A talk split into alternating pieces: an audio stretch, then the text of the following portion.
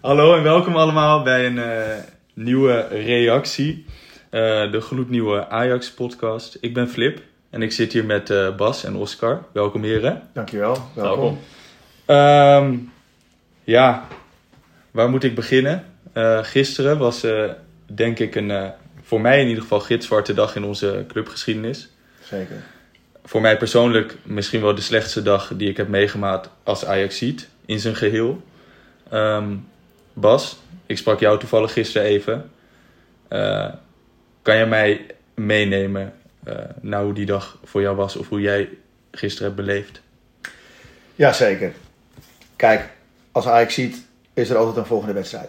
Uh, ik vond trouwens dat tegen de Fransen voor de Europa League dat, we dat er best wel veel dingen uh, dat ze veel dingen lieten zien waar we mee op voort konden beduren. Um, dan bedoel ik dat het, dat het gewoon wel echt wel veel beter smoelde dan tegen Twente. Um, ja. Dus daar put je dan een soort van hoop uit. Uh, en je denkt, nou Feyenoord was in het begin van het seizoen ook niet zo. En ja, maar ja goed, de wedstrijd staat op zich. Dat weet je ook. En je speelt eigenlijk uh, de eerste 10 minuten nog niet eens heel slecht voetbal. Maar um, ja, daarna stort het gewoon als een eh, kaarthuis in elkaar. Door persoonlijke fouten. En wat ik al zei, de vorige podcast, van die jongens begrijpen elkaar gewoon niet nog. Dat zie je aan alles. En ja. uh, het kwaliteit, um, wat er staat. Uh, weet je, in het begin dachten we nog wel van ja, weet je wat, het is een aankoop. We moeten maar even rustig gaan kijken uh, wat het is en wat ze kunnen en zo. Mm -hmm. Maar nu zie je toch al wel wat scheurtjes um, in het talent en de kwaliteit van de spelers die we gekocht hebben. Ja. En dan uh, maak ik me wel een beetje zorgen. Denk je niet dat het een beetje een soort van valse hoop was of zo? Misschien naar Marseille? Dat, dat was mijn gevoel namelijk een beetje. Uh, ik, ik zag al die spelers, al die trainers super blij met de doelpunten die we toen maakten. De ontlading was groot, hè, na die 1 en die 2-0. Ja, klopt. Uh, maar als je inderdaad ook ziet hoe die doelpunten vielen, ja, die 1-0 was, nou ja, uh, enorme blunder van Marseille. En die 2-0, nou ja, leuke ingestudeerde corner. Uh, maar ja, qua spel was het natuurlijk nog niet uh, echt waarbij je dacht van... Ja, dit is waarmee we Feyenoord gaan verslaan. Nou, maar je zag bijvoorbeeld een Taylor die gewoon echt een, een, goede wedstrijd speelde. Ik denk wel zelfs een van zijn beste wedstrijden in een Ajax-shirt. Ja. Um, en Berghuis die uh, weer natuurlijk naar zijn schorsing terug op het veld is. Ook meteen wat meters maakt. Dus eigenlijk van trainingsfit naar wedstrijdfit gaat. Um, en dan, en, dan, en dan zie je bepaalde dingetjes die terugkomen. Kijk, die spelen natuurlijk ook al twee jaar samen. Dus dan heb je alweer bondjes. Wat bij andere wedstrijden totaal niet was. Hmm. Zie je toch alweer kleine dingetjes. Brobby staat ervoor. Ja, die weet ook wel wat hij moet doen. Die, als hij met een Berghuis en een Taylor achter hem staan. Die jongen, Taylor en, en, en Brobby, die voetballen hun hele leven samen. Dus dan zie je toch wel kleine dingetjes. En dan moet je maar net zien dat, het, dat de fans er wat meer achter gaan staan.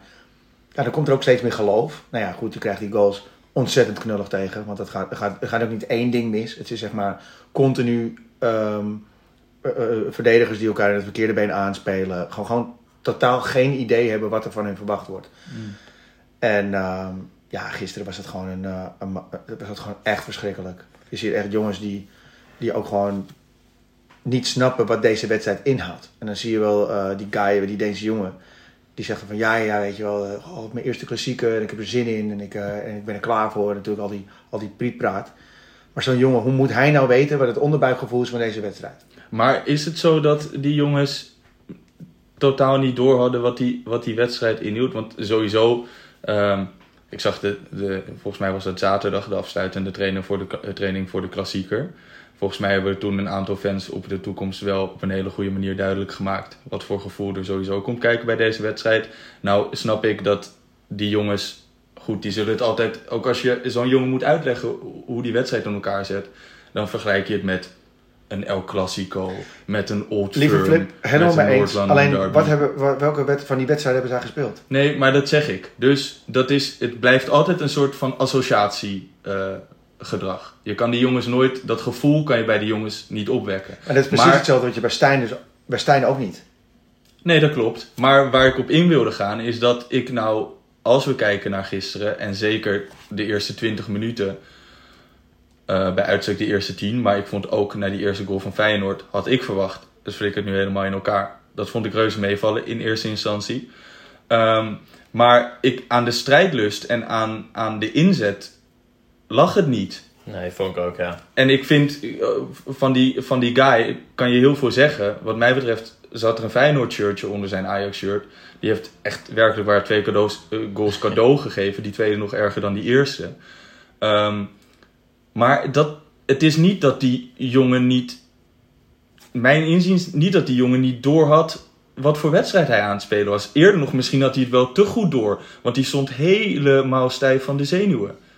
Ja, dat zei die commentator ook, hè, bij dat doelpunt. Eh, dit zijn gewoon trillende benen. eh. Een, Dat, tota- eh, totale mentale en fysieke blokkade.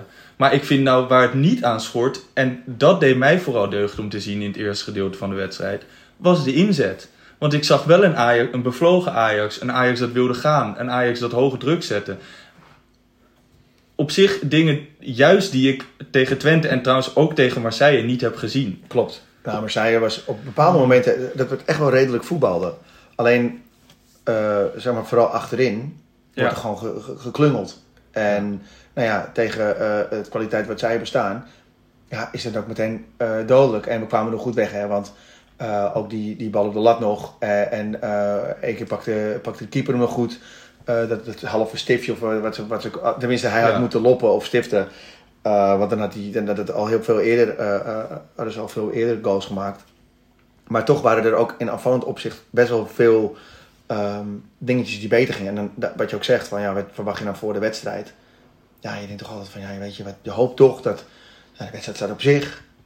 Ze zullen toch ook wel denken van, potverdorie, eh, ik, ik wil toch niet verliezen van, van Feyenoord thuis? Ja.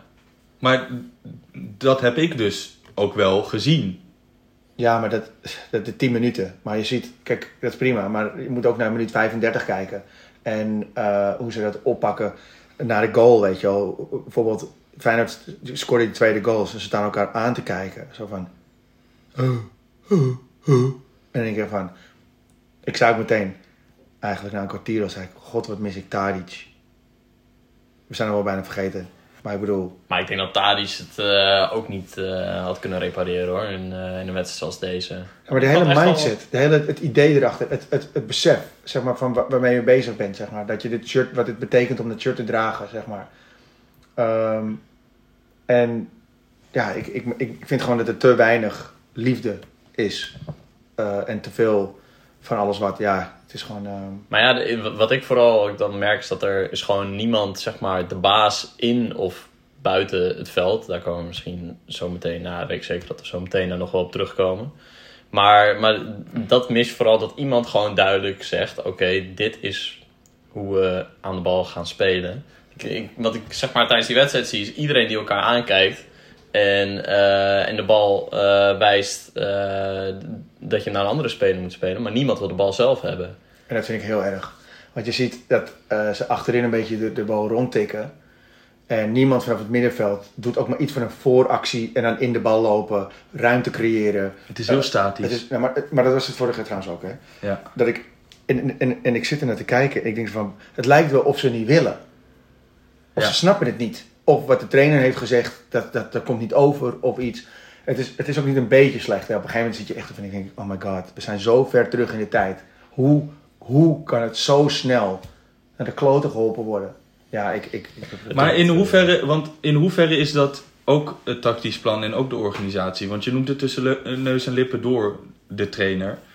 Maar, want in het verleden hebben we zoveel wedstrijden gezien, ook van Ajax, maar ook van andere ploegen, ehm, waarin een team er zo futloos uit kan zien, waarin het eruit kan zien alsof niemand zijn best doet, als niemand er echt voor gaat.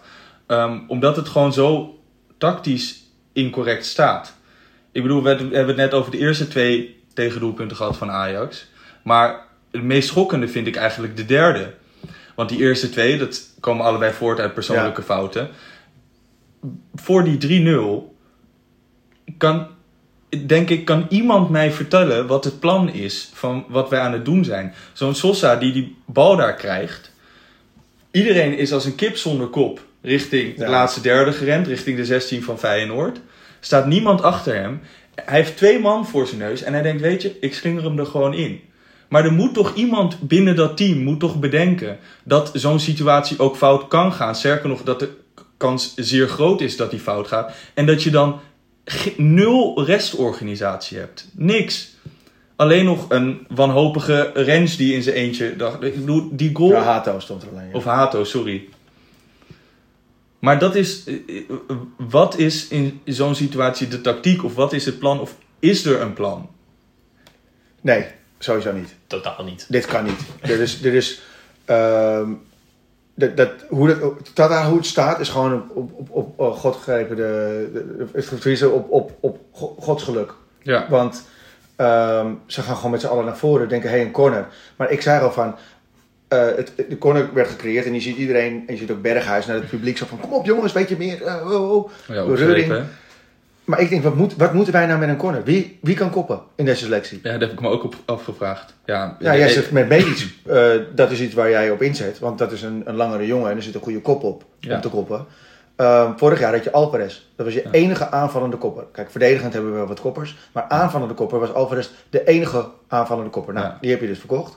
Wie moet het nu doen? Dus een corner is helemaal niet een, een, een, een situatie wat gevaarlijk kan gaan worden. Wat je moet doen is precies zoals je het deed afgelopen week. Gewoon een tikje breed en misschien rond, rond je 16. Nou kijk, nu krijgt Sosa aan. Maar je moet denken van... Hé, hey, er is echt helemaal niemand achter mij. Dus misschien moet ik nu geen balverlies leiden, zeg maar. Ja. Als ik dat doe in mijn team, word ik echt kapot gemaakt, zeg maar. Ja. Zeg van, wat doe je? Zeg maar, je weet toch dat je laatste man bent? Of tenminste, in, eh, een van de laatste. Ja. Dan kan je dit gewoon nooit maken. Nee. Nou, nou, hij verliest gewoon de bal. Ja. Het is gewoon 4 tegen 1. Ik heb dat zelfs ook eh, Ajax aanvallend gezien. Bijna nog nooit gezien dat Ajax 4 tegen 1 verdediger komt te staan. Dat heb ik echt nog nooit gezien. Nee, ik weet nog, eh, t- eh, tijdens Den Haag eh, hadden we het vaak nog over, hè, over restverdediging. eh, maar dat is niks vergeleken met eh, wat er gisteren gebeurde. Nee. Nou, maar ja, goed. ehm, Maar wie, wie treft daarvoor blaam? Zijn dat de spelers? Of is dat de technische staf? technische staf sowieso. Want het, zoiets moet je spelers toch duidelijk kunnen maken. Of het nou in het Spaans, het Kroatisch, het Engels, het Nederlands of het Fries is. Ja, en dat is ook precies waarom ik denk, eh, als we er toch een, een, een linkje mogen maken naar de trainer. Dat mag. Ik, eh, ik zie dat daar gewoon helemaal niet meer in zit. In het begin dacht ik wel van, ja, weet je, hij heeft het lastig. Het is voor hem natuurlijk ook anders. Eh, ja, je gaat toch naar Ajax. Je, in één keer werk je met, met, met kwalitatief betere spelers. Ehm, weet je wel, er wordt gewoon iets heel anders gevraagd. Ook, ook van, Mm. je moet veel meer managen. Weet je, want die gasten hoef je niet te vertellen hoe je moet voetballen. En dat moet je bij Sparta of bij VVV eh, wel. Ehm, en het is, hij kan gewoon, denk ik, zijn verhaal niet uitleggen. Omdat hij een bepaalde beknopte manier naar voetbal kijkt. Ook zijn analyse naar de wedstrijd. Ja, zo van, hé, hey, wat ging er mis? Ja, ja, dat heb ik... eh, heb, heb je die jongens wel goed uitgelegd? Ja, we hebben afspraken gemaakt en die zijn ze niet nagekomen. Ja. Die jongens begrijpen hem gewoon niet. Ze maakten al, ik heb ook gehoord dat ze grapjes maken over zijn Engels. Dus wat hij moet doen is, moet hij naar de nonnen- van Vught. En moet hij daar maar drie weken in een klooster gaan zitten om Engels te leren. Maar dat is echt, echt... Dit, dit, dit kan gewoon niet. Wat ik ook wil, is gewoon... ehm, dat, dat er gewoon weer, weer, weer terug wordt gegaan naar de basis. Gewoon het de Ajax-filosofie. Ik wil ook gewoon dat die, dat die jongens, als ze getraind hebben, dan gaan ze allemaal maar het, het tv-hok in. En dan ga je gewoon oude videobanden kijken van hoe Ajax moet voetballen. Kijk, dit is een Ajax-voetballer. Als je hierop komt, dat betekent dus dat die je positie moet overnemen.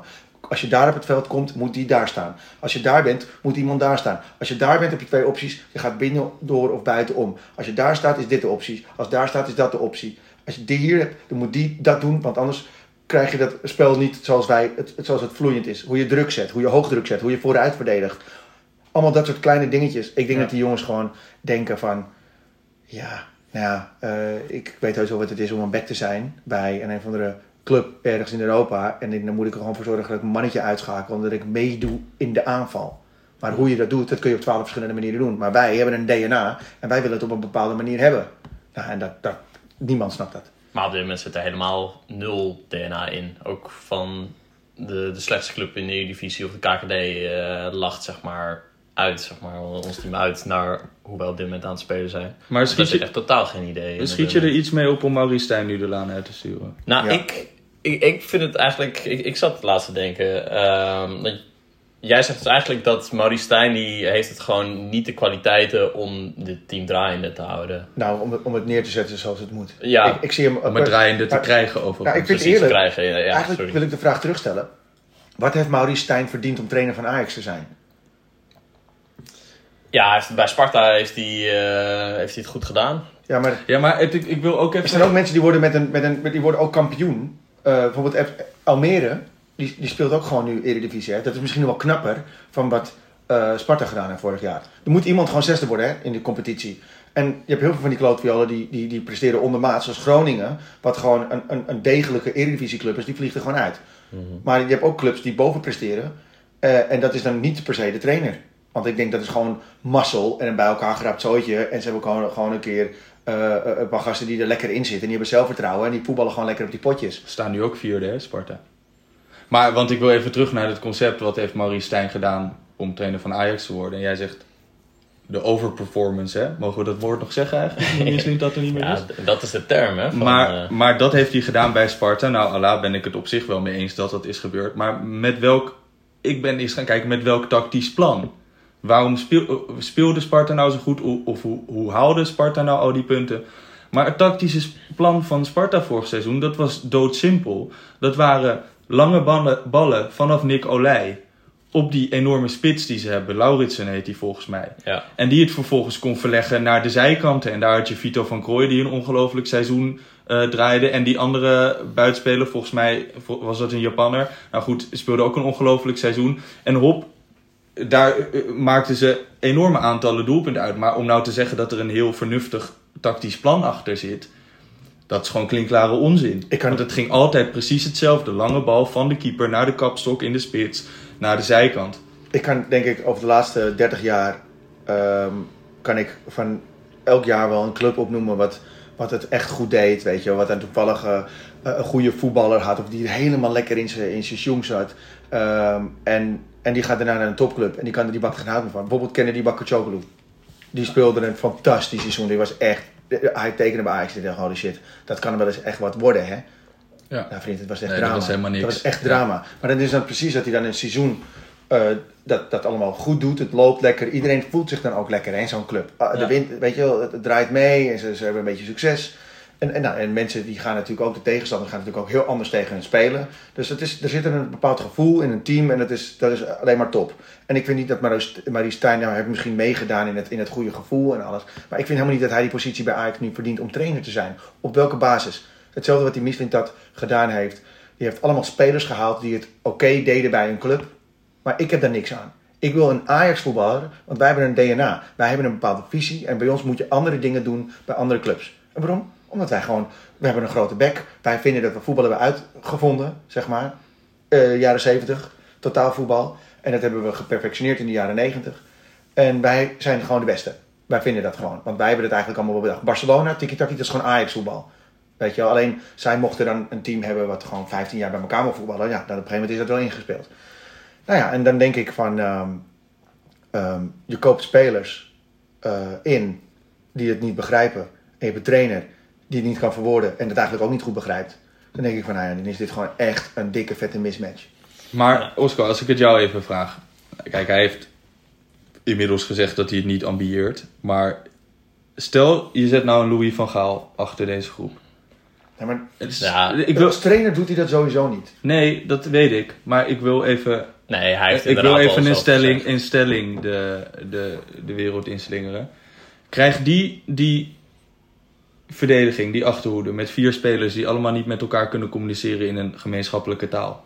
Krijgt die die wel in een, in- een systeem te spelen? Zorgt die er wel voor dat die een beetje bij elkaar in de buurt blijven staan? Misschien in combinatie met de controleurs. Dat er niet van die achterlijke gaten vallen. Dat ze niet allemaal tegelijk, zeker de backs, zonder na te denken naar voren sprinten. Is dat nou echt een gebrek van Maurice Stijn? Of is dat gewoon iets wat tijd behoeft? De tijd totdat Josip Sutalo Engels heeft geleerd. Of dat eh, Anton, eh, Anton Gaai Engels heeft geleerd. Of wat dan ook. Ja, ik denk eh, Van Gaal is natuurlijk wel echt een meester gewoon in het maximale uithalen van, van, van een team. Van het spelersmateriaal wat er is. Dat hoeft niet per se zeg maar, heel aantrekkelijk voetbal te zijn. Maar hij kan wel de juiste popjes op de juiste plekken neerzetten. Zoals we dat met het Nederlands elftal... Ja, maar daarmee kon hij communiceren. Klopt. Ja, dat, dat is inderdaad dan... eh, Die man die spreekt eh, wel vier talen. hè. Ja, maar die jongens kunnen niet met elkaar communiceren. Ja, maar ik bedoel, Hoe kan je nou elkaar op de juiste plek zetten als je niet met elkaar kan praten? ja, maar Van Gaal, als we dat toch over. Dat, dat is, eigenlijk is het, is het dromen wat we doen. Want die man wordt nooit meer trainer van een club. Eh, ik denk dat het eerste wat hij, wat hij misschien zou doen, is dat hij dan toch wel in het bestuur of, weet je, of ergens in de technische staf wil komen. Ehm, maar dan niet meer als, als, als ver- eindverantwoordelijke. Dat gaat hem ook nooit meer worden. Maar ik zou wel eh, hem willen zien ehm, met, met, met de juiste poppetje om me heen. Bijvoorbeeld dat je dan een nieuwe, trainer, nieuwe, een nieuwe coach aan, aanstelt. En dat je eh Van Gaal erboven zet, zeg maar. Dat Ja. hij eigenlijk alleen koffie komt drinken zoals advocaat dat deed bij, eh, bij Feyenoord. Met Johnny van, Giovanni van Bronckhorst. In die rol denk ik dat hij uitermate geschikt zou zijn. Ja. Ja, welke trainer zet je voor? En ik heb wel een idee. Ja, heb ik je het, begin, het begint met F en het eindigt op Rank de Boer. Ja, dat klopt. En ik word daaruit door, eh, door veel mensen ook een beetje door uitgelachen. Want dan zeggen ze van ja, goed, eh, je weet toch hoe slecht het was en hoe slecht voetbal speelde ehm, onder zijn leiding een aantal jaar geleden. Dan denk ik van ja, maar als ik even terug ga in de tijd en denk aan de fluwele revolutie. Wat wilden we toen eigenlijk? Hè? Wat gebeurde er toen? Toen zei Cruijff, zei ik wil Ajax mensen op de posities hebben. En we stelden Frank de Boer aan. Ten eerste, hij was toen nog jeugdtrainer, dus hij wist precies wat er in de jeugd liep. Dat is Ja. natuurlijk wel een pre, dat is, dat is nu, alhoewel hij nog steeds op de toekomst elke dag zit te kijken. Maar hij werkt natuurlijk niet meer met de, met zeg maar de Aatjes en de, en, de, en, de, en, de, en de jonge Ajax. Maar toch denk ik dat Frank de Boer de uitermate coach is, of tenminste de beste coach nu is. Want dan ga je terug naar de basis. Je gaat terug en gaat het vanaf achteruit gaat hij het neerzetten. En dan bouwt hij gewoon naar voren. En het zal niet altijd sprankelend voetbal zijn. Maar er is duidelijkheid, er is Ajax. Ehm, en dan gaan we gewoon rustig aan weer opbouwen. Veel jeugd inpassen. Hij weet precies eh, hoe het werkt. Eh, toen hij trouwens trainer was, moet ik ook zeggen dat er eh, bijna geen geld was om echt te investeren. Ehm, dus hij deed het met wat er was. Nou ja, je kunt het lijstje terugkijken. Zeg maar alles. Er zijn heel veel jongens die natuurlijk de Europese top hebben gehaald. Maar die waren toen zeg maar nog in de luier. Hè? Dus ik zou Frank de Boer graag willen zien. En als je dan als een soort van koffiedrinkende papa van Gaal erbij hebt. Dan denk ik dat het eh, al beter gaat dan hoe het nu eh, gestructureerd is. Nou is Frank de Boer natuurlijk niet bepaald het speerpunt van communicatief sterk. Nou ja, hoe bedoel je? Dat is het, en dat is het spelers niet? Frank de Boer is communicatief niet heel sterk. In elk opzicht niet. Ja, maar nee, ik- ik Hij kan wel een hele duidelijke visie hebben, maar die heeft Maurice Stijn ook wel. Maar ik vind Frank de Boer communicatief zeer zwak. Die komt nauwelijks uit zijn woorden. Nee, ja, dat, dat- dat- ik weet het niet. Nee, ik ben het niet met je eens. Ik denk dat ik ehm, misschien wel daardoor gekleurd, te veel gekleurd ben. Dat, ik, dat zijn gewoon mijn helden. En jij kraakt die af. Ja. Nee, maar goed, maar hebben natuurlijk, kijk, Frank de Boer heeft ook een, eh, een, een episode gehad in het buitenland. Eh, allemaal eh, heel kort trouwens. Inter een paar maanden, Crystal Palace, nou hoef ik je niet te vertellen. een paar dagen, slechtste manager ooit als we het aan José Mourinho vragen. Eh, At- Atalanta United heeft Hij wat, heeft wat wel langer Wilfried Zaha, volgehouden. hè, wat echt gewoon jarenlang je beste voetballer was. Is ook zo, maar we praten hier niet over andere clubs dan Ja, Ajax. maar wat mijn punt is, is dat bij al die clubs kreeg hij hetzelfde verwijt. En dat is dat hij niet kon communiceren met zijn spelers. En dat had, probleem had hij natuurlijk minder in zijn eerste periode bij Ajax. Maar dat is wel iets wat nu zeer aan de voorgrond ligt. En sterker nog, iets wat we juist heel erg nodig hebben in een nieuwe manager. Als we al naar een nieuwe manager gaan. Is iemand die uitstekend kan communiceren met eh, spelers uit 15 verschillende landen en 12 verschillende talen of weet ik het allemaal. En eh, hoe communiceert Ten Hag? Eh, ook beroerd. Oké, maar Ja. vorige week was Maar dat het schijnbaar-. Ja, Ik bedoel, soms moet je ehm, voetbal. ehm, als je het gewoon op een bord zet. En ik denk dat als je het, met, zelfs met gebrek. Het gaat erom wat je vertelt. Mhm. En hoe je het vertelt, natuurlijk ook leuk. Want je hebt ook allemaal assistenten eromheen lopen. En hoe het, hoe het spelletje gespeeld moet worden. Wat wij verwachten van posities. Ik denk echt wel dat, dat Frank de Boer dat kan. En je wordt niet vier keer kampioen. En trouwens, toen de tijd was het ook allemaal niet zo heel belabberd. Want we hebben ook gewoon van AC Milan gewonnen. Van een goede wedstrijd. En zelfs van eh, Manchester City en Barcelona. Barcelona. Ja. Eh, hebben we gewoon van gewonnen. En die wedstrijd van Barcelona thuis. Nou, toen waren wij niet een heel klein beetje goed. Toen waren we echt fantastisch die avond. En iedereen die was zo blij. En het was, het- het- het- we speelden zo goed. En druk op de bal. En, en, en vooruit. Het was echt fantastisch. Maar eh, dat was trouwens allemaal onder de boer. Ja, natuurlijk was Ja. het uit bij NSC. Soms billen knijpen. En dan hebben we net 2-1 gewonnen. Die wedstrijd daar kan ik me ook nog heel goed... Ja, maar dat was... De graafschap uit, die 1-1. Dat kwam puur omdat Ajax ging jagen. Want als Ajax achterin de bal rond had gespeeld, hadden we gewoon kampioen geworden. Maar goed, dat ging helaas niet door. waar ik nog steeds doodziek van ben. Maar eh, nee, ik, ik, ik voorzie dat. Ik denk niet dat een Stijn een man is die dit nu ook al met, met alle negatieve eh, berichten om de club heen, dat die man. eh, het is gewoon een lichtgewicht. Ja. Wat heeft die man nou gepresteerd om co- coach van Ajax te zijn? Omdat hij werkt met data. Hetzelfde met die misliep dat. Die vindt dat data helemaal fantastisch. Nou, als Ajax één club is, dan is eigenlijk data ondergeschikt. Want wij zijn veel meer. Wij, wij zien het met onze ogen wat we verwachten en wat je moet doen. En nu hebben we allemaal gasten lopen die misschien op data heel goed eh, overscoren, zeg maar. Maar ehm, Overperformer voor je. overperformen. Ja.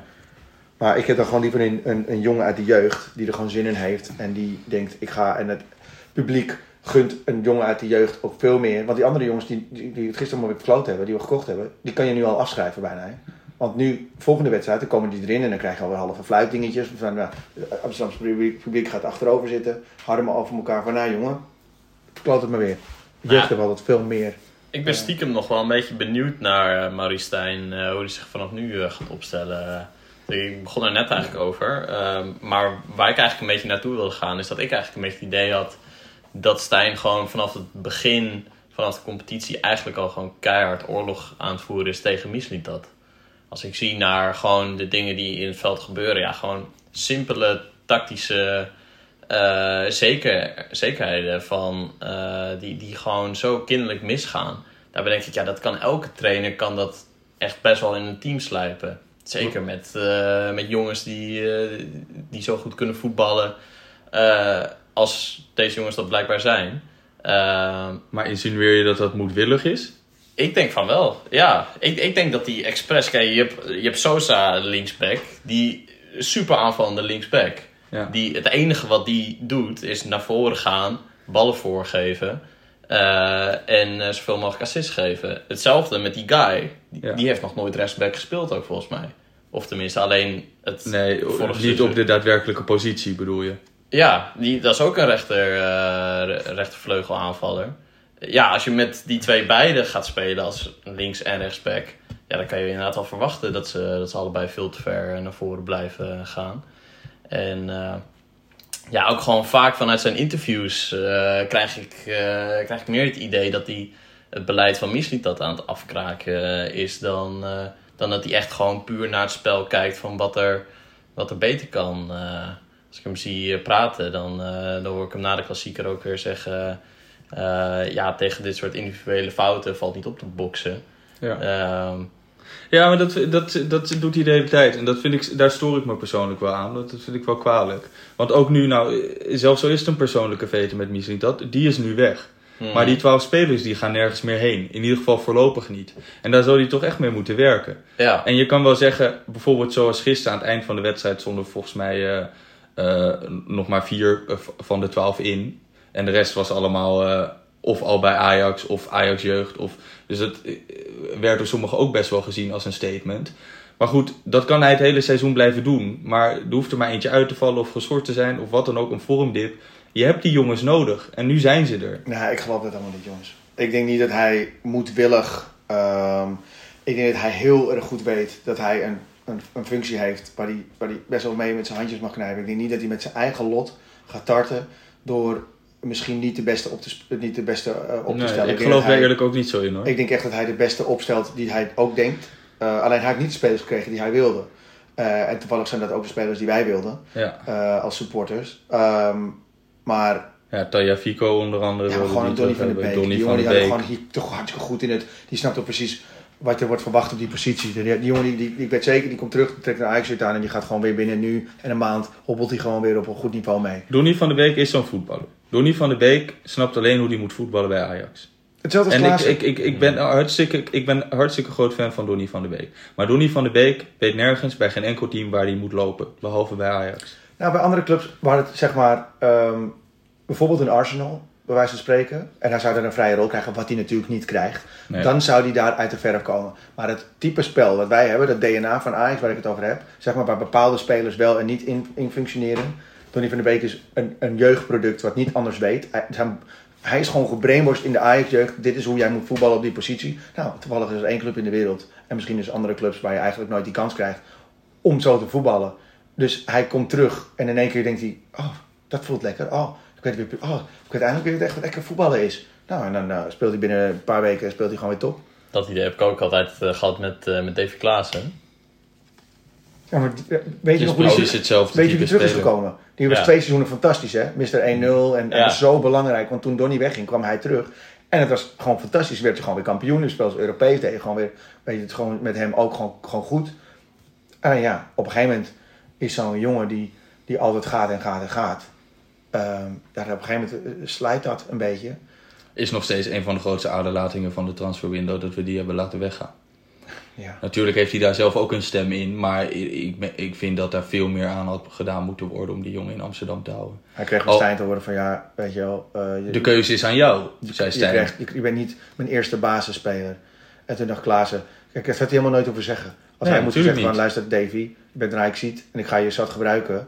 Uh, en je bent rete belangrijk in de kleedkamer. Precies, en je bent ook uh, een van die jongens die de Ajax-cultuur bewaakt. Weet je wel. Zo van, ik heb je hartstikke hard nodig. Alleen, uh, misschien ben je niet altijd mijn eerste keus, maar je krijgt genoeg minuten. Want zo is het ook weer niet verteld, want zo is wel hoe het naar buiten is gekomen. Maar hij, ze wilden hem gewoon liever kwijt, ook met dure contracten. Weet je wat, misschien niet altijd het enige, misschien goed. Ze waren in ieder geval onverschillig, op zijn minst. En dat is al, dat is al, dat is al erg. Wat verwachten jullie jongens? Denk je dat uh, Maurice Stijn de kerst haalt? Nou ja, ik denk dat dat uh, heel erg afhankelijk is van hoe het spel zich gaat ontwikkelen. Ik vind dat in principe, en dat. Kijk, als je het benadert uh, vanuit het voorbereidingprincipe, waarin wij gewoon twee dagen voor Twente pas voor het eerst met de hele groep compleet zijn. En dat je eigenlijk dan gewoon een maand nodig hebt om het allemaal op de rit te krijgen. Zie ik wel per wedstrijd nu uh, verbeteringen. Dat wil niet zeggen dat ik blij ben met wat ik zie. Want ik heb me enorm lopen irriteren afgelopen week. Zowel tegen Marseille als tegen Feyenoord. Bij Feyenoord natuurlijk nog met veel meer pijn vanwege de lading van de wedstrijd. Ja.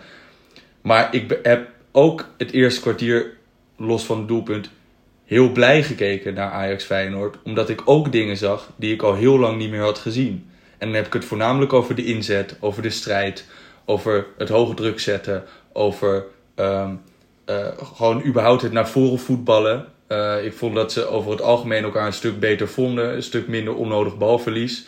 Het tempo lag wat mij betreft wel nog te traag. Maar goed, um, echt een paar goede kansen uh, uh, gehad. Onder andere Bobby die een bal, een bal moet binnen, ja. Ja. Van de andere kant trouwens, vlak voordat hij werd gewisseld, gaf Gaai nog wel een fantastische voorzet op Forbes die hem net niet kan binnenglijden. Bergwijn ouderwets met links met een goede poging. Nou, ik heb gewoon echt wel echt dingen gezien die me blij maakten. Alleen daartussendoor zat natuurlijk weer het grote foutenfestijn van de verdediging. Marseille uh, idem dito natuurlijk. Doorgepakt. Ja, maar, nee, Marseille idem dito. Maar Marseille vond ik echt... Ja, dat is ook al wel vaak gezegd. Maar dat was een soort pupillenwedstrijd. Dat was gewoon twee keer elf man een shirtje aantrekken. En zeggen jullie scoren daar en jullie scoren daar en ga maar. Ja, ik als, ik naar de F'jes, als ik naar de F'jes zit te kijken bij de lokale amateurvereniging, dan zie ik ook allemaal enthousiaste jongetjes die gewoon totaal zonder organisatie achter de bal aan gaan, aanrennen. Ik zag en dat een, is een tweet voorbij komen van uh, iemand die zei: Het lijkt op een uh, potje FIFA tussen twee dronken vrienden. Uh, nou, maar dat is... in de nacht. Laat de vergelijking erop los die je erop los wil laten. Maar dat was, wat, het, was het vermakelijk ontzettend. Ja, ontzettend. Ik heb een hele leuke avond gehad. Als... Het was ontzettend vermakelijk. Het was spannend. Zeker het begin was echt leuk. Weer eens voelen hoe het is om op voorsprong te staan. En je zag wat het losmaakte. De, de arena, de technische staf, die jongens. En dat was fantastisch. Maar het leek helemaal nergens op. Ja. Eigenlijk. En um, nou goed, bij, bij Feyenoord, zeker verdedigend, leek het ook nergens op. En ja goed, misschien is het dan de supporter in mij en de emotie in mij die gewoon heel blij is. Ik zit natuurlijk met poep in de broek, zat ik op de bank, want ik was thuis. Um, dat ik gewoon heel blij ben dat ik zie dat ze in ieder geval de eerste periode wel vol inknallen en wel vol voor gaan en wel echt willen en daar ook dingen uit creëren. En tussendoor gaat daar heel veel fout. Maar je bent ook naïef als Ajax supporter als je dat van tevoren totaal niet had zien aankomen. Dus dat weet ik. En dan in die zin trek ik me aan de positieve dingen op. En in die zin was ik ook niet, los van de score, zo teleurgesteld over die eerste helft. Wat er daarna gebeurd is, dat heeft het voor mij tot een verschrikkelijke dag gemaakt. En wat er op het veld gebeurde, in de zin van de stand deed heel erg pijn. Maar in de zin van zeker die eerste 20 minuten wat ik zag aan voetbal, maakte me oprecht bij Vlagen best wel blij. Ja, maar dat is toch erg wat we eigenlijk zeggen. Dat je af en toe blij bent dat we, dat we, dat we naar het juiste uh, Het is- een shirtje spelen en dat we een keer een kransje creëren. Ja. Dat is een godverdomme Ajax. Waar hebben we het over? Het kan toch niet, dit, is- dit verval. Dat we nu al blij zijn met dit. Terwijl we een paar jaar geleden gewoon nog de beste van de, van de wereld waren. Ja, want heb je een soort van een precies voorbeeld ook van eh, wat je echt zeg maar blij maakte eh, aan Nou ja, spel? sorry, maar de, to- tot het doelpunt van Feyenoord Ja, was, het- was Ajax totaal dominant. Kan ook liggen aan de houding van Feyenoord. Maar Feyenoord werd afgejaagd tot in de eigen 16. Eh, jongens die vol in de strijd gingen. Kenneth Taylor vind ik een fantastisch voorbeeld. Die was trouwens sowieso vertoond. Ik snap het wel. Ik snap wat je zegt. Alleen, ik vind het niet te veel gevraagd. Ook in een Europese wedstrijd tegen Marseille, waarin je gewoon een volle bak hebt. De sfeer. Tegen Feyenoord ook met die, met die vuurwerkdingetjes voor de wedstrijd, weet je wel. En dat Timmer nog even komt. En dat, dat er iedereen op een bepaalde manier, eh, weet je wel, eh, opgeladen en zo. En ook door die, die, die, die sfeeractie van de dag ervoor met de, op de training. Dan mag ik toch op zijn minst wel verwachten dat ze de ultieme inzet hebben. Zeg maar. Ja, dat mag je ook verwachten. Maar, heb jij, maar heb jij dat gezien dan, de eerste vier competitiewedstrijden? Nou, de tweede helft tegen Heracles. eh, toen we eigenlijk, zeg maar, na die goal van Medic en toen, het eigenlijk, toen die goals vielen, toen werd het eigenlijk wel weer gezellig in de arena. En dan zie je dus ook wel gewoon gasten die, die dan weer willen voetballen. Ehm, alleen, ik vind dit bij, bij dit Maar soort- dat was ook een verschrikkelijke pot. Ja, maar ik heb, nog helemaal, ik heb eigenlijk nog helemaal niet goed zien voetballen. Nee, maar dus ik heb... Elk lichtpuntje gaan we nu uitlichten, eh, omdat we denken van, oh, misschien kunnen ze toch wel een klein beetje. Nou ja, Ro- steeds- Ro- Rome werd ook niet gebouwd in een dag, Bas. Kijk, ik wil ook heel graag terug naar, het, wat is het, 2019-20 halve finale Champions League. Naar dat niveau. Sterker nog, ik wil dat, ik wil meer. Ik wil vijf keer op rij de Champions League winnen. Dat hoef ik jou niet uit te leggen. Ja. Dat hoef ik geen enkele Ajax uit te leggen. Maar ik hoef jou ook niet uit te leggen dat als het nu zo gaat, dat we niet hoeven te verwachten dat ehm, aankomend weekend tegen RKC er alweer zo'n ploeg staat. Oh, nee, dat dat met stapjes gaat. Nee, En dat dat heel lang gaat duren en voor ons veel te lang gaat duren. En dat we ons nog volledig kapot gaan irriteren aan Ajax. Dit seizoen, misschien volgend seizoen ook nog wel. Het erg is, dat is gewoon puur natuurlijk gewoon de, het zelfvertrouwen. Wat nu gewoon natuurlijk weer een knauw heeft gekregen. Ja. Maar in principe ook, nou ja goed, eh, de wedstrijd tegen Volendam gaat er niet door eh, eh, woensdag. En ehm, zaterdag heb je RKC. Maar daar moet je gewoon van winnen. Ajax is gewoon echt wel beter ja. dan, dan die clubs. En dat is iets. En, en ik blijf ook zeggen, van dagen vrij moet je ook niet die spelers helemaal niet geven. Ehm, ga maar gewoon naar de club en ga maar Ajax DVD's kijken. En de trainer die moet gewoon eh, precies vertellen in de kleinste details wat hij van die jongens verwacht. En dan in kleine speelvorm op de training de hele tijd oefenen totdat die jongens er helemaal tureluurs van worden. En gewoon ook, ehm, ja, ik, ik zou bijna zeggen, er moeten gewoon veel meer ehm, trainers bij op dat veld. Ehm, om het misschien Maurice Stijn ook wel makkelijker te maken. Dat we, ook het succes, de succesfactor van Maurice Stijn misschien iets omhoog gaat. Ehm, als er gewoon meer handjes aan die, aan die groep kneden. Ik denk dat, het- dat we dat best wel goed kunnen gebruiken. Ja.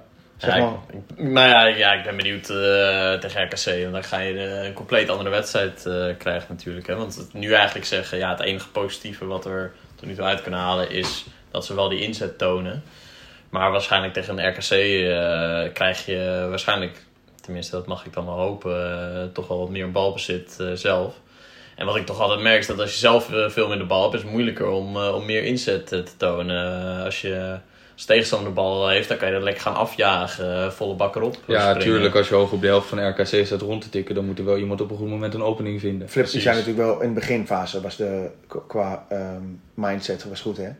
En Ja. Halverwege de eerste helft was het echt drama. Toen was het. Ja. achterin rondtikken en toen kwam niemand, niemand bewoog voorin. Er werd Ja. geen ruimte gecreëerd. Dat was echt, Ja. dat was, toen zit je te kijken denk ik, waar Ja. zit ik in godsnaam naar te kijken. Maar Slot had het ook een klein beetje aangepast. Hè? Ik hoorde achteraf eh, veel interviews. Eh, ja, en de, zei hij met wat druk zetten dat, eh dat Jiménez en, eh, en Stenks die moesten meer eh, voor, de, voor de druk gaan zorgen eh, op de Ajax-verdediging.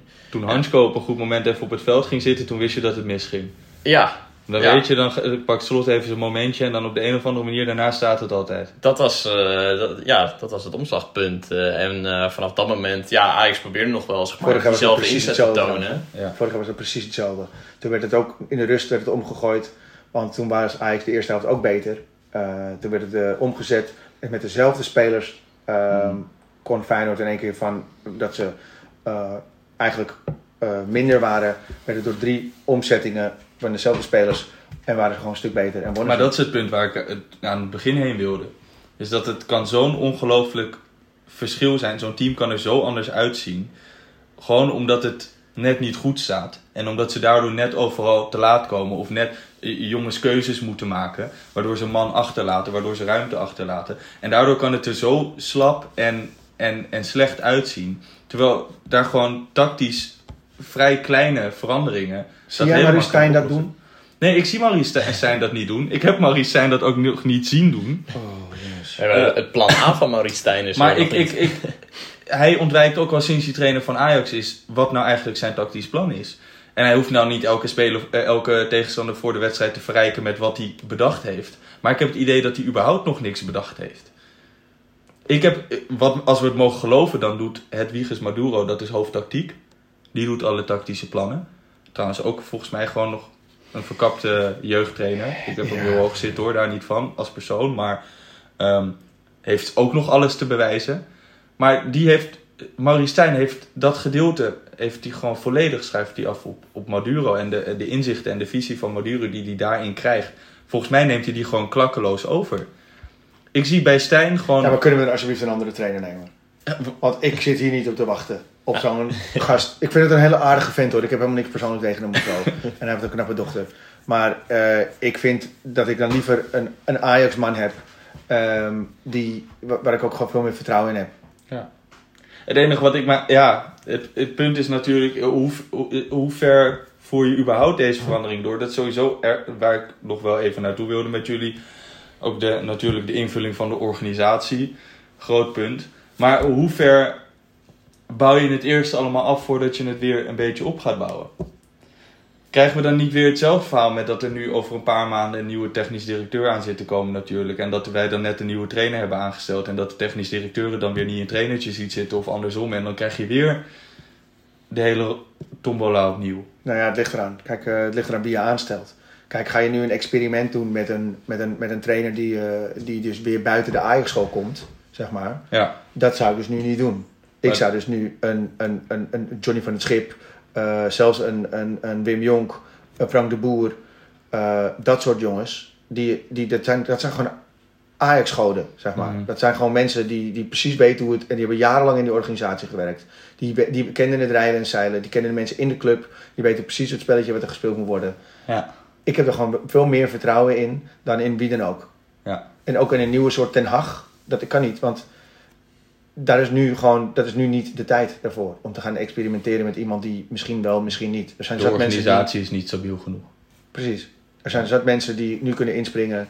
ehm, waardoor het, het, het, het spelletje in onze ogen, wat wij willen zien, eh, eh, veel, meer, veel meer terugkomt. En het wordt dus ook met, met meer jeugd ingepast. Ja, en dan worden er maar eh, aankopen afgeschreven. Maar Hmm. als iemand iets doet wat niet goed is, en er is een jongen van 17 die in de tweede speelt, of, eh, of, of onder 18, die, die dat wel goed doet, dan zet hij gewoon dat poppetje daar neer.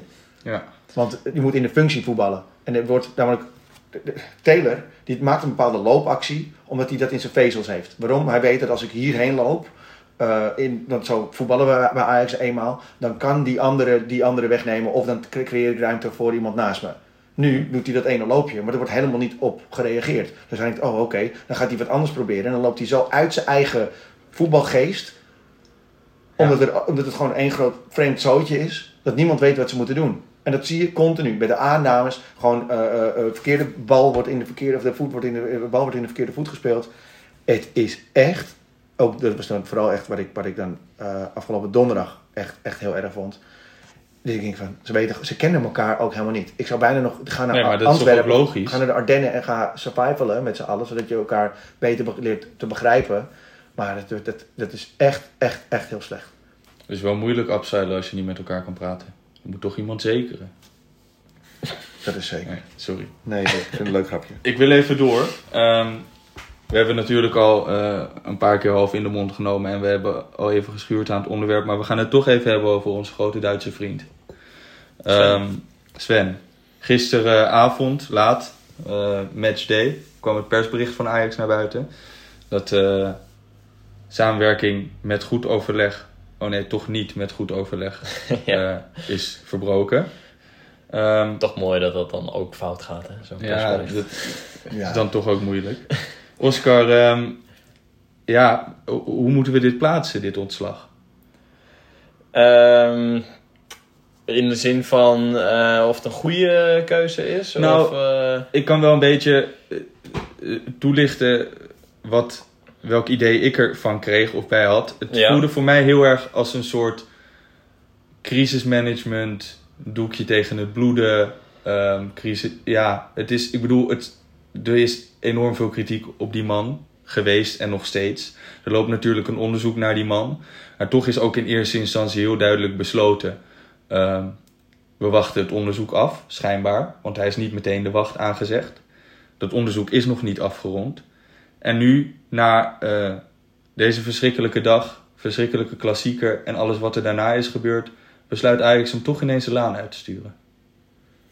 ja, ja nou, ik denk dat hij gewoon eh, op dit moment de ultieme zondebok eh, is geworden voor Ajax. Ehm, of dat 100% terecht is, dat vraag ik me nog wel af.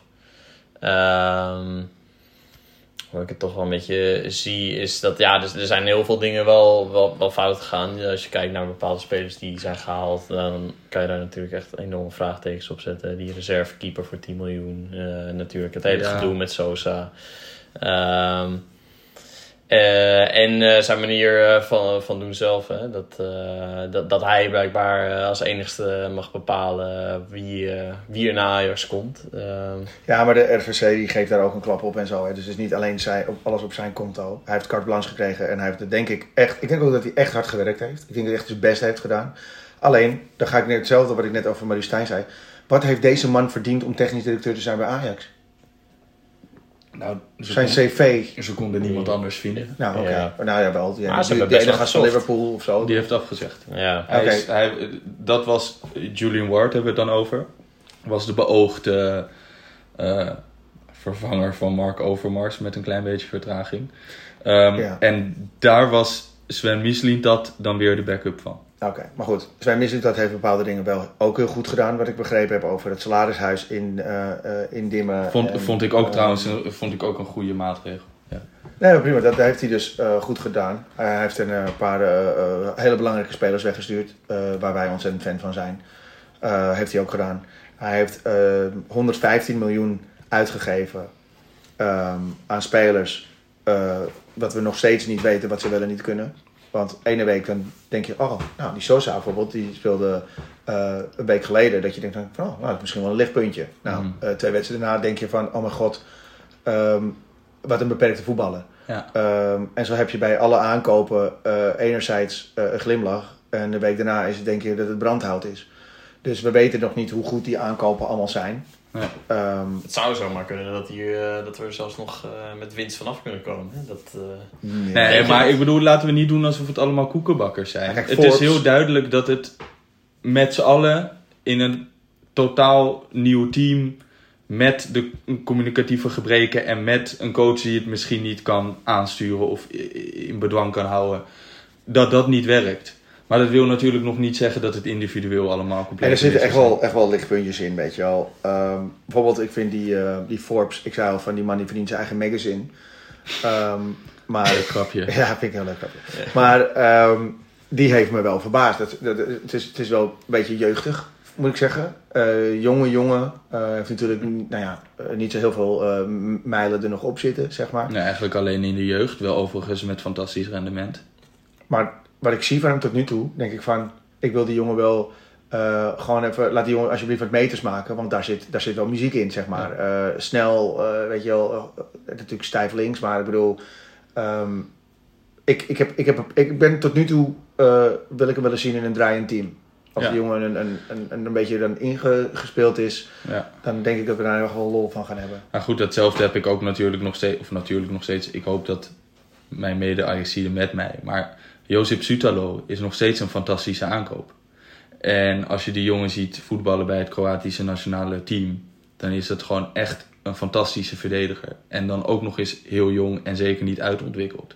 Alleen met hoe het nu staat en met de defensieve organisatie van Ajax op dit moment. gaat, gaat denk ik elke centrale verdediger eruit zien als een complete pannenkoek. Ja. Ik denk dat als je daar eh, nu een Jurien Timber neerzet, wat echt een fantastische verdediger is, eh, die gaat die defensie ook niet in zijn eentje oprichten. Die zal zich dan misschien net iets meer, of die zal zich meer onderscheiden, omdat hij wel weet wat het Ajax voetbal is. En wel in het Nederlands kon communiceren of in het Engels met eh, jongens om hem heen. Maar ik bedoel, dat hebben we natuurlijk in periode vorig seizoen ook gezien.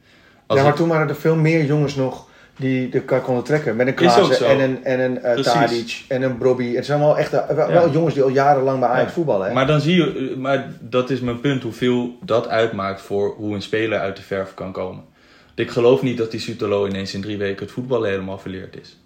Alleen die staat gewoon, die heeft totaal ook geen idee wat hij moet doen, waar hij moet staan, wanneer hij door moet zakken, wanneer hij moet blijven Wat er van hem verwacht wordt. Wat er van hem verwacht wordt. Dat zag je tegen Twente, zag je dat ook de hele tijd misgaan. Ja. Dus in die zin, en ik, dat geldt ongetwijfeld voor meer jongens. Maar kijk ook van zo'n Miko Tatsen. Ik hoor je ook aan alle kanten lovende verhalen. Die stond in de jeugdopleiding van de Olympique Lyon als een enorm talent aangeschreven. Iedereen die die jongen een heel seizoen heeft zien voetballen, ofwel weliswaar in de tweede divisie van België, ofwel van Frankrijk, is laaiend enthousiast over die jongen. We hebben gewoon eigenlijk nog niks van hem gezien. Dat klopt. En we hebben best wel veel jeugdige jongens gekocht. Hebben, dus er zit Ja. misschien echt nog wel rek in. Maar dan heb ik liever iemand die eh, jeugd laat overperformen. En met eh, de jeugd van eh, Ajax erbij. En dan praat je toch weer over Frank de Boer. We ja, daar toch ja, je moet er de jeugd ook voor hebben. hè. Ik, ik, ik bedoel, ik vind Vos vind ik leuk om te zien Gisteren spelen. speelde hij ook niet goed. Maar eh, ja, maar of hij er echt klaar voor is, dat. Ja, dat, dat Het- weet ik heb me dood geïrriteerd aan de manier waarop eh, Silvano Vos van het veld ging tegen Marseille. Nou, ik snap, ik snap dat je dat vindt. Ik, ik las dat ook van eh, analisten eh, op tv. Ehm, alleen die jongen die speelt een halve wedstrijd, krijgt een staande ovatie in een stadion. En ik ben er altijd een beetje. Ik vind het altijd moeilijk om spelers staande ovaties te geven. Want het wordt nu heel makkelijk gegeven. Zeg maar, als iemand even lekker voetbalt, krijgt iemand een staande ovatie. De lat ligt vrij eh, laag. eh, Ik heb voetballers zien voetballen eh, in, in, in mijn eh, jeugd, eh, in mijn, in mijn Ajax-jaren, eh, die van niveau 10.000 keer groter zijn. En die hebben helemaal geen staande ovatie eh, gekregen. Dus ik, ik ben, daar, ben daar moeilijk mee, weet je wel. Ik ga niet zomaar staan. Maar Ja. die jongen die heeft een half uur lang hartstikke goed gevoetbald. Ja. Eh, pakt rood, eh, zet zijn hele team onder druk. Een hele domme naïeve Maar hij krijgt overtreding. een staande ovatie. Die jongen die krijgt een staande ovatie van 60.000 man. Ja, die jongen weet helemaal niet wat hij daarop moet. Die, de mediatraining was nog niet zo ver. Was die dacht van, oh, oh, oh, ja, nou jongens. Uit, uit, uit nederigheid of zo klapt hij een beetje terug. Ja. jongens, dank jullie wel dat jullie voor mij klappen. En het wordt bij iedereen Maar- in het verkeerde keelgat geschoten. Omdat die jongen 18 is en niet zo goed weet hoe hij op 60.000 man moet reageren. Ja, sorry. Maar die jongen die weet heus wel dat hij denkt, wat ik gedaan heb is kloten. En dat had ik echt niet moeten doen. Want ik zet nu mijn hele team onder druk. Maar hij klapt een beetje omdat hij denkt, ja, dank jullie wel dat jullie zo lief voor me zijn. Ja, Ja, ik weet niet. Misschien is dat dan een, een, een, wat wij anders zien. Maar ik vond hem niet nederig klappen. Ik, hij, hij ging echt trots het veld af, in mijn ogen. En Ja, kijk, dat, bedoel- dat, dat steekt mij het meest. Is, kijk, uiteindelijk, dat klopt. Ik ben ook heel blij dat Vos minuten maakt. En al helemaal als het goede minuten zijn. Want het is Ajax-jeugd. En we hebben het daar vaak genoeg over gehad. Hoeveel liever je Ajax-jeugd een indrukwekkende wedstrijd En ziet je hebt het over een jongen van 17 die net 18 is. Ja, En maar als je- staat voor 60.000 man die een staande ovatie krijgt. Dat, dat, Ja. Zelfs Clarence Seedorf had het niet Je, je, 16. je team staat hartstikke onder druk. Je laat ze achter met een man minder door een oerdomme overtreding, een jeugdige overtreding. Hè, die kan je maken, zeker op die leeftijd. Maar dan kan je niet zo dit veld afgaan. Dat, is, dat, dat vind ik. En of je nou toegejuicht wordt door 60.000 man, laat Ja, je dan nederig met je kopje omlaag toejuichen. Ga dan maar even 60.000 terug naar hoe je zelf 18 was. En dat je dan dat allemaal Heeft mee... nooit iemand van maar- mij geklapt op mijn 18e. Precies.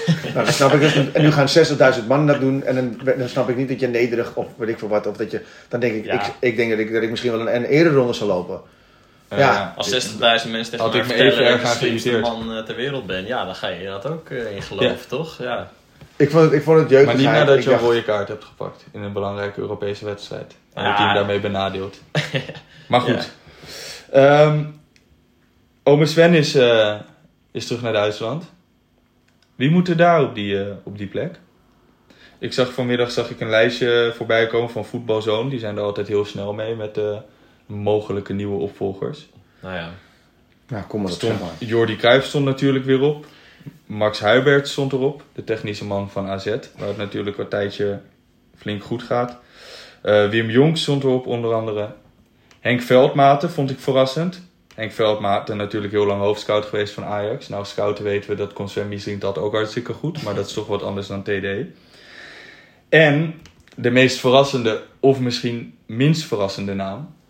ehm Ome Mark, Mark Overmars. En daar eh, kwam nog eens bij dat eh, ze in België massaal bang zijn voor het vertrek van, eh, van Mark Overmars bij Royal Antwerp. Daar staat de media staat bol met, eh, met berichten dat ze bang zijn dat Ajax weer een lijntje gaat uitgooien. Ik zal Ja. even aftrappen. Ehm, Mark Overmars, ja, haha, die had helemaal nooit weg moeten. Die man had je gewoon een tijdje lang moeten zeggen van... hé, hey, jij gaat heel eventjes op een soort van managementcursus... eh, over wat je wel en niet doet. En daarna kom je, en dan houden we je even uit de, eh, uit de luwte. En daarna gaan we je presenteren in Nederland als een manager 2.0. En dan ga je laten zien hoe, hoe, wat je geleerd hebt... en dat je op je bek bent gegaan en dat je nu... eh, gewoon klaar bent om een leider 2.0 te zijn, zeg maar. Dat hadden we moeten doen. Maar in deze wereld ehm, mag je niet, krijg je geen tweede kans en mag je niet een keer op je bek gaan en sorry zeggen dat je door mag gaan met wat je deed. Dat mag allemaal niet. Waar ik trouwens echt, echt boos over ben ook, is dat het is, we, we hebben het over een voetbalclub, zeg maar. Een Ja. mannenorganisatie. En een man die heeft zich misdragen. Maar dat komt puur ook omdat er allemaal vrouwen maar in die organisatie moeten.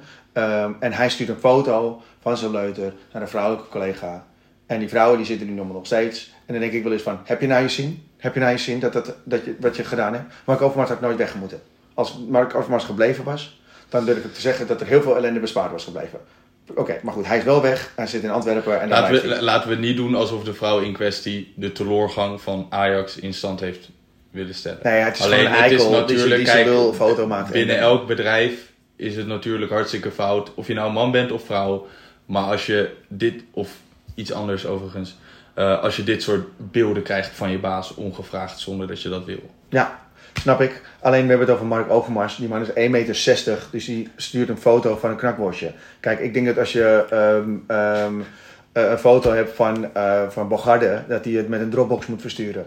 Weet je wel, dan denkt het vrouw, eh, dan moet je al een aparte app downloaden om die foto te kunnen zien. Dus we hebben het over dat. Ik zou eerder denken als vrouw in die organisatie van hem, Mark, haha. En dan terugsturen van laughing my ass off, zeg maar. Want die man, dan denk je van, hé, Mark, hé, hey, what the fuck, ouwe.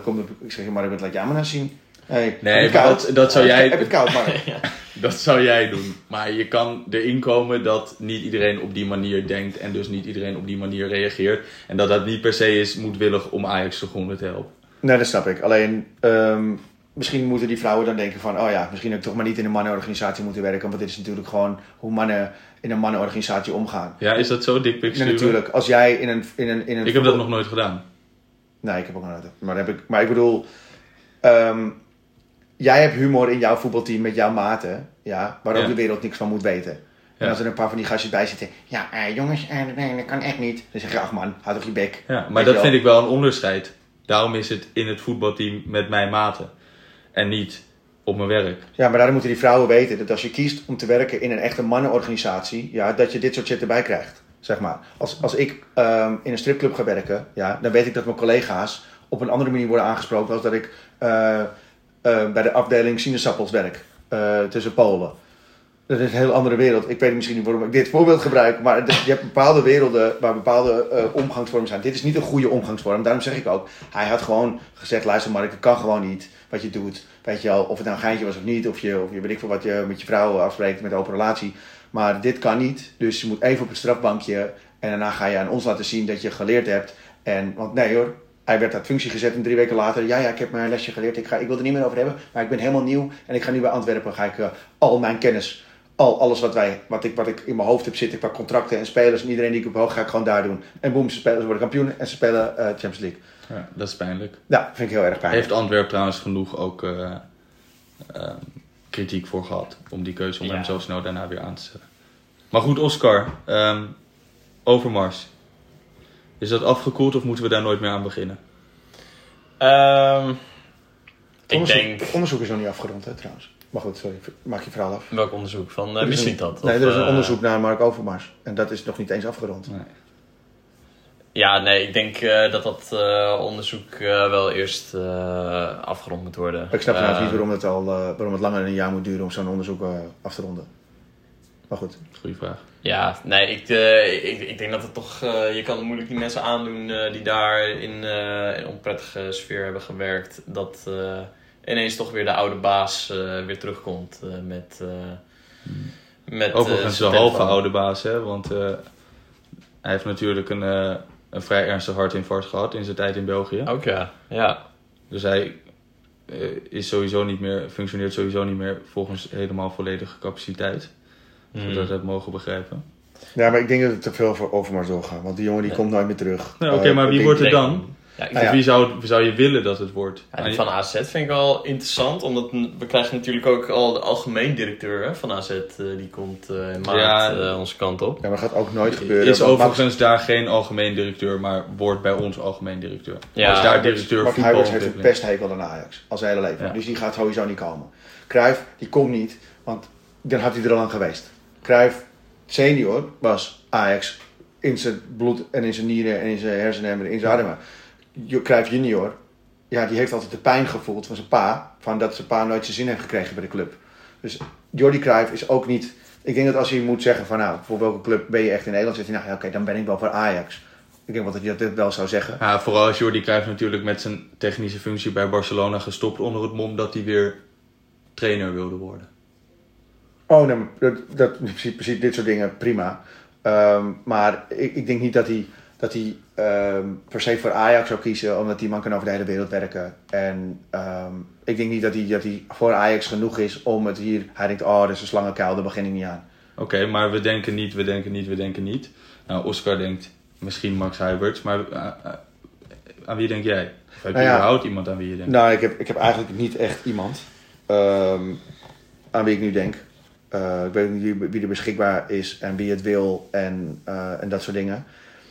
Maar ik weet vooral van, van het lijstje. Nou, die Hybrid heeft gewoon een hekel aan Ajax, dus die gaat het sowieso niet doen. Mhm. Eh, en dat vind ik ook een clubman trouwens. En Wim Jonk?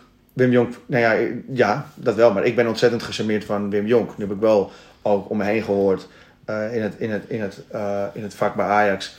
dat die man eigenlijk best wel een beetje, ehm, een, beetje een gekkie is, zeg maar. Mhm. In welke ehm, zin? Ja, ik wilde er niet te diep op ingaan, want dan denk ik van, ik vind hem wel leuk. Oké. Maar eh, kijk, die Cruijff-revolutie... eh Cruijff heeft toen met mensen samengewerkt eh, die die vertrouwden. En ik weet niet waarom, maar ik vertrouw ze dus ook gewoon blindelings. Ja, gewoon omdat je ze ook wil vertrouwen. Omdat ik, ja, precies. Maar wel omdat ik weet dat ze het vakidioten zijn. En dat zij het spelletje wat zij, waar, waar zij van houden, dat is toevallig het spelletje waar ik ook van hou. Ja. Dus daarom heb ik een soort van vertrouwen in oud-Ajax-spelers. Ehm, en Wim Jonk, dat is de, degene die op een gegeven moment in de jeugd botste. Want die wilde zich vasthouden aan de Cruijff-revolutie. Eh, en die is op een gegeven moment weggegaan, omdat het, omdat het toch een zijsprong daarvan maakte. Ja. Alleen dan heb ik toch liever iemand die toch weer terug gaat naar die Cruijff-basis. Want we moeten terug naar de basis. Ja. En Jonk heeft toen het met, met, het, met Cruijff in ieder geval het boek ook eh, en met eh, Bergkamp. Dus ik heb daar vertrouwen in, zeg maar. En ook met een Frank de Boer, omdat toen die poppetjes op die manier werden neergezet om vanaf, vanaf de basis weer te bouwen. Vanaf achterin gewoon weer bouwen, middenveld, jeugd inpassen, posities invullen en dan ook gewoon die, die, die, die nieuwe spelers meenemen in de filosofie. En ik denk echt dat Frank de Boer wel gewoon 16 uur op de club is om die jongens te vertellen in wat voor taal, handen, voeten taal, dat die jongens wat er van ze verwacht wordt. Mhm. Want ehm, misschien communiceert hij niet goed, maar hij heeft wel bij Ajax een fantastisch rendement eh, gehaald. Met slechte voetballers eh, goed rendement eh, gehaald. En op dat gebied denk ik eerder van ja, dat mooie voetbal, dat kan ik nog wel heel even uitzetten. Maar wij moeten nu weer punten pakken, want anders wordt het heel lastig om überhaupt weer Europees voetbal en om, weer, om je weer te laten zien in de wereld. Ja, Dus van al die mensen, ja, ehm, Wim. Wim, ja. Of iemand anders met genoeg Ajax-DNA. Maar ja, wie, dat weet ik niet. Ik vind dit sowieso vaak een lastige vraag hoor. Want het zijn toch over het algemeen mensen die vooral eh, op de achtergrond eh, Opereren. opereren inderdaad. Dus eh, ja, echt toen Overmars eh, begon eh, bij Ajax, toen dacht ik ook inderdaad van, nou ja, ik, ik ben benieuwd. eh, Ja. Ja, ik was daar wel enthousiast over. ja, die bewees zichzelf natuurlijk vrij snel al, hè? Met, eh, Ja, maar ja, precies. Maar ja, dan heb je gelijk. Ja, dan staan ineens alle pijlen dezelfde richting op. En, eh, en, en dan, dan klikt het ineens. Overigens ook genoeg miskopen onder Overmars, hè? maar dat zal je altijd zien en dat wordt verdekt door de grote successen die ertussen zitten. Ehm, maar ja, het is natuurlijk een utopie dat altijd alles raak is. Dat is makkelijk om te vergeten. Ik weet niet of jullie de namen Matteo Cassiere en Lisandro Magallan nog kennen. Maar ja, goed, dat soort jongens zitten er altijd tussen. Ja, maar die jongens, zaten ook, in de, die jongens zaten ook in de selectie toen je wel de halve finale van de Champions League haalde. Zeker. Dus ik bedoel, ehm tuurlijk, je, je, je, je, je, je, je hebt niet een 100% rate, maar ehm, het is de beste technische directeur die we gehad hebben. Uh, ik de laatste je eens, 25 ja. jaar. En ehm, ja, eh, waar ik wel trouwens vertrouwen in heb, en dat is dan iets wat ik dan niet eens zeker weet, maar wat ik een beetje op de achtergrond heb. Kijk, jongens als Huntelaar en ook zoals Vertongen, dat zijn jongens die zeg maar na hun carrière niet een, een per se een trainerscarrière ambiëren, maar veel Mhm. meer een bestuursfunctie. Kijk, als die jongens nu al, kijk, Vertongen is dan niet uitgevoetbald, maar als hij zo meteen ehm, bij een business school ehm, gewoon een opleiding doet, dan heb ik wel vertrouwen om zo'n jongen mee te nemen en stage te laten lopen. Zo iemand moet je kneden. Die moet over, over vijf, zes jaar moet hij jou, jouw technisch directeur zijn of iets in de jeugd gedaan of iets, iets in die organisatie, zodat je dan daarop voort kan beduren. Dat is natuurlijk gaande ook nu, hè. Menno Gele heeft dat opgezet. Onder andere, ja, het is een soort pilotfase, als ik het goed heb begrepen. Maar Siem de Jong is eraan begonnen, Ricardo van Rijn is eraan begonnen, Daniel de Ridder is daaraan begonnen. En nog een, een van de ex-Ajax-vrouwen, die naam moet ik heel even laten schieten. Ehm, goed, eh, er zijn natuurlijk niet allemaal eh, leiders geweest, als je het hebt over Jan Vertongen, eh, in die categorie. Maar ook Siem de Jong natuurlijk echt een, echt een Ajax-held. Nou, Ricardo van Rijn met een enorme interesse in, eh, in, in, in de directie eh, binnen die organisatie. Is ook Hoe vorig jaar al een trouwens, keertje meegegaan. Als ik nu zo'n beetje hard op nadenk, hè, met die jongens zoals bijvoorbeeld ehm, eh, Gregory van der Wiel en, en Demi de Seo. Die jongens hebben Ja. toch ook merken opgericht. Die zijn toch ook gewoon die qua business en zijn voetballers. Misschien moeten we iets meer kijken naar dat soort jongens die ook Ja, gewoon ik weet andere... van Demi de Zeeuw dat dat een veel te succesvol zakenman is. Die heeft helemaal geen tijd. Die heeft enorme brands opgezet met dat baller en met 4-3-3 en alles wat daaruit is, eh, uit is gevolgd. Ja, maar Dat heb je het, dat, hij is ook een jongen met, die weet eh, een Ajax-DNA heeft eh, ja, gekregen. En dat zijn misschien best wel jongens die, die... Kijk, in de voetballerij werken is toch anders. Hè? Natuurlijk hebben ze het nu allemaal leuk voor elkaar met, met, met, met weet ik veel wat. Maar als Ajax op de deur klopt, dan denk je misschien van... Hé, hey, misschien moet ik dat toch wel doen. ik denk dat Demi de Zeeuw zo rijk en succesvol is dat hij daar niet, eh, dat op dit moment niet over na zou denken. Maar hij heeft er toen het baller opgericht met Gregory van der Wiel, toch? Ik weet niet of Gregory van der Wiel er ook bij zat. Ik geloof dat hij er ook in zat. Ehm, maar ja, dat soort jongens... Maar goed, in ieder geval, dat zijn jongens die duidelijk verstand hebben van zaken en van voetbal. Eh, dus die werelden zou je eventueel nog kunnen combineren. Ja, en in de raad van commissarissen ehm, is het, dat is geen fulltime job. Nee, en daar zitten enorme koekenbakkers in op het moment. Dus Maar misschien ik- kunnen we die dan één op één vervangen. Precies, maar dat zijn dat soort jongens die het misschien de, de- voor de clubliefde er- erbij willen doen. Eh, en dat ze, waar komen, waar komen ze bij elkaar? Eh, niet al te veel. De RVC, volgens Ja. mij is dat voor de RVC gemiddeld, wat is het, acht uur in de week werk. Nou, dat Ik, dat, ik wil niet zeggen dat het allemaal bijeenkomsten zijn, maar totale werklast. Nou, maar dat soort mannetjes die zou je misschien best wel kunnen benaderen voor, eh, voor, voor, eh, voor functies. Omdat ze ook een beetje bedrijfsleven eh, hebben meegekeken en dat soort dingen. Ja. Want wat ernaast zit, jongen, dat... eh, ja. Ja, maar kan je de RVC op dit moment vertrouwen? Wat er nu zit? Nou, ze hebben ook handtekeningen, pardon, handtekeningen gezet onder die transfers. Ik Ja. denk dat het punt is dat je ze niet kan vertrouwen. Nee, toch? Ja. Dus ja, maar daar zou Flip ook één op één vervangen. Ja. Ja, alleen wat is het? De, de leden van Ajax die bepalen dat. Dan zijn ze een stuk of 700. Nou ja, je hebt boven de RVC heb je de directieraad. En de directieraad is net nieuw verkozen. De directieraad is afgelopen zomer opgestapt. Mm. Is net nieuw verkozen bij de laatste ALV. Dus die zitten net weer in functie. Die staan in macht boven de RVC. Dus die zouden de RVC uit hun functie kunnen ontheffen. Hm. Maar alles wat daaronder zit niet. Dus bijvoorbeeld, kijk, de RVC is een controlerend orgaan voor de directie. De directie heeft andersom niks te zeggen over de RVC. Dus dat moet of vanuit de, eh, ja, volgens mij het de directieraad komen. eh, of vanuit de leden, inderdaad.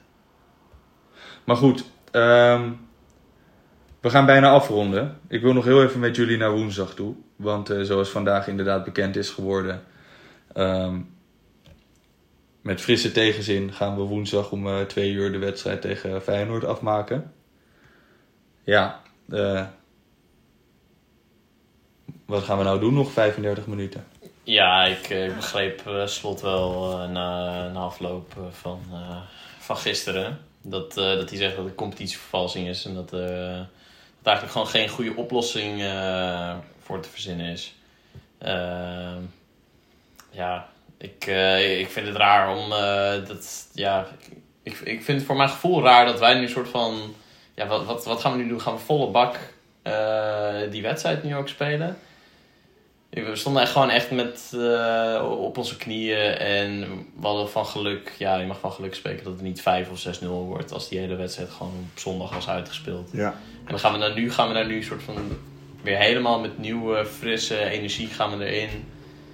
Ja, ik, voor mij Ja, voelt dat ja. ook gewoon verkeerd. Nou ja, eh, eh, eh, laten we het heel, heel gek zeggen. Iets wat waarschijnlijk niet gaat gebeuren, wat we hopen. Stel voor, het wordt 3-3. Ja. Is het Ja. eigenlijk, luister, ik zou heel blij zijn. Maar ik bedoel, dat kan toch eigenlijk niet? Nee. Weet je, dat is toch, dat is echt wel fucked up. Als het omgekeerd zou zijn, nou, dan is, de wereld, dan is de wereld voor mij te klein, hè? Ja. Dus, dat, dat ehm, komt ook natuurlijk door onze eigen fans. Hè? Dat, eh, dat die wedstrijd is gestaakt. Het is, eh, het is onze eigen fout. Ja. Ja. Ja, maar aan de andere kant, nu gaat het, eh, het gebeurt overal. Eh, elke club heeft vervelende fans. Eh, vorig jaar is dit ook uitgespeeld terwijl iemand een aansteker op zijn kanus krijgt. Weet je wel, dat vind ik nog steeds eh, erger dan dat ik eigenlijk gisteren gezien heb. Ehm, want dan is er echt een speler gewond. Eh, en toen is ook gewoon doorgevoetbald. Weet je wel, dus ik bedoel, dat vond ik toen helemaal niet goed. Want toen vond ik echt dat het gestaakt moest worden. En nu is het dan wel gestaakt voor iets ja, wat, wat, wat ook gewoon niet anders kon. Want eh, ze hadden vijf minuten later gewoon weer fakkels gegooid. Ja. Dus het had net zo lang Ja. doorgegooid dat het wel gestaakt zou zijn. Ik vind het wel een slechte regel trouwens. Ik, ik kan er toch bij mijn hoofd nog niet helemaal bij. Want je geeft supporters zoveel macht. Ja, klopt.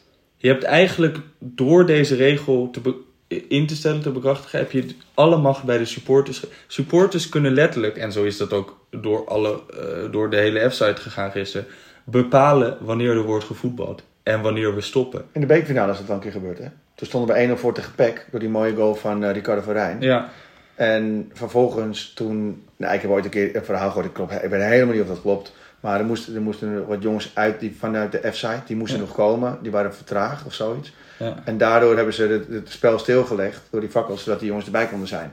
Zeg maar een beetje de hoge pieven van de F-site en zo. Ja. Die kwamen toen aan. ja. Ehm, ja, en vervolgens eh, kreeg Peck het op zijn heupen. En wij dachten, oh 1-0, dat wordt appeltje ja eitje. toen werd het 5-1. Toen werd het 5-1. Dus ik bedoel, toen bijt het je ook in je ass. Maar toen, was, toen, hebben, toen, hebben, ze ook, toen hebben ze ook hun macht gebruikt. Ja, net zoals eh, Groningen vorig jaar. Ja. Eh, Groningen Ajax. Die waren gedegradeerd, die hadden zoiets van we gaan helemaal niet voetballen vandaag. Ja. En binnen acht minuten was het klaar. Ja. Ik bedoel, ik snap dat je die fakkels eh, en de bier, eh, bierflesjes, bier, eh, bierbekers, alles uit het stadion wil weren en dat je dat gedrag wil voorkomen. Maar je geeft supporters natuurlijk nu wel een enorme vrijbrief eh, voor dit soort gedrag. Wanneer ze, weten gewoon niet hoe ze ermee om moeten gaan. Eh, Ja. Zowel de bond niet eh, als de clubs niet. Ehm, ze denken van hé, we gaan het gewoon heel hard straffen. Weet je wel. Het werkt als een rode lap op een stier natuurlijk. Nou ja, kijk, ik denk. Op, eh, vroeger werden er niet altijd bekertjes gegooid. In één keer, eh, sinds de, la- de laatste jaren worden er in één keer bekertjes gegooid. Ja. Nou, nu wordt het dus gepakt. Weet je, 10 minuten ligt het spel stil, eh, weet ik veel wat. Eh, en die jongen die gooit het dan alsnog. Maar ik moet wel zeggen dat ik. ik, ik zou nooit iets gooien. Ehm, Maar je had wel bijna ook een beker Nou, gegooid. Feyenoord scoorde en ze lopen naar de cornervlag. En ze staan daar te provoceren, wat het prima is. Want ik denk dat als ik eh, Ajax ziet eh, eh, in het veld eh, zou scoren in de Kuip, zou ik het ook doen. Ik zag, nee, ik zag echt alle fans al met, met, met mijn vingers in mijn oren en mijn tong uitsteken. Ehm, maar die jongen die ging dus iedereen nog een high five geven. Ja. En vervolgens ging die, Gaat hij nog even ging hij op zijn knieën. Ging hij nog, en, en de scheidsrechter staat ernaast en die, en die laat gewoon een hele rieltje gebeuren. Nou echt jongen, het stonk met mijn oren. Dan denk ik van, stel je voor die jongen heeft een ritueel van anderhalf minuut. Blijft die scheidsrechter dat dan gewoon... Die scheidsrechter stond gewoon bij en die wacht, ja, eh, nu doorlopen. Dat duurde zo lang. En dat doe je dan in de klassieker naast fans die, die helemaal lijp zijn. Ja. En dan gooit er een, een leeg bekertje, valt dan een meter op het veld. Het is niet eens op het veld, maar tussen, tussen eh, de tribune en het veld Nee, in. klopt, ja. Ja, licht lokken ze het een beetje uit. Maar inderdaad, w- wat jij zegt, kijk, ik vind het verschrikkelijk vervelend. Ehm, maar andersom had ik precies hetzelfde gedaan. Nou ja, ik denk dat als Ajax nu ooit in de Kuip staat en voor staat en je Dan staan ze met z'n elf. Gooi dan met je ja, gooi dan met je staan ze bekertje. met z'n elfen te lokken. Ja, zeker.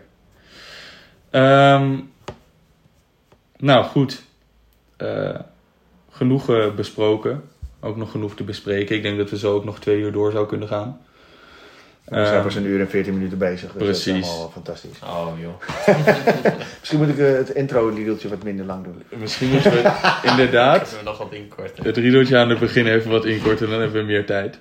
Nee jongens, ja, we gaan, eh, we gaan een interessante week weer tegemoet. We gaan een spannende week tegemoet. Misschien gaan we op woensdag nog even een puntje stelen van onze aardsrivalen. Wie weet. Laten we de moed eh, hoog houden.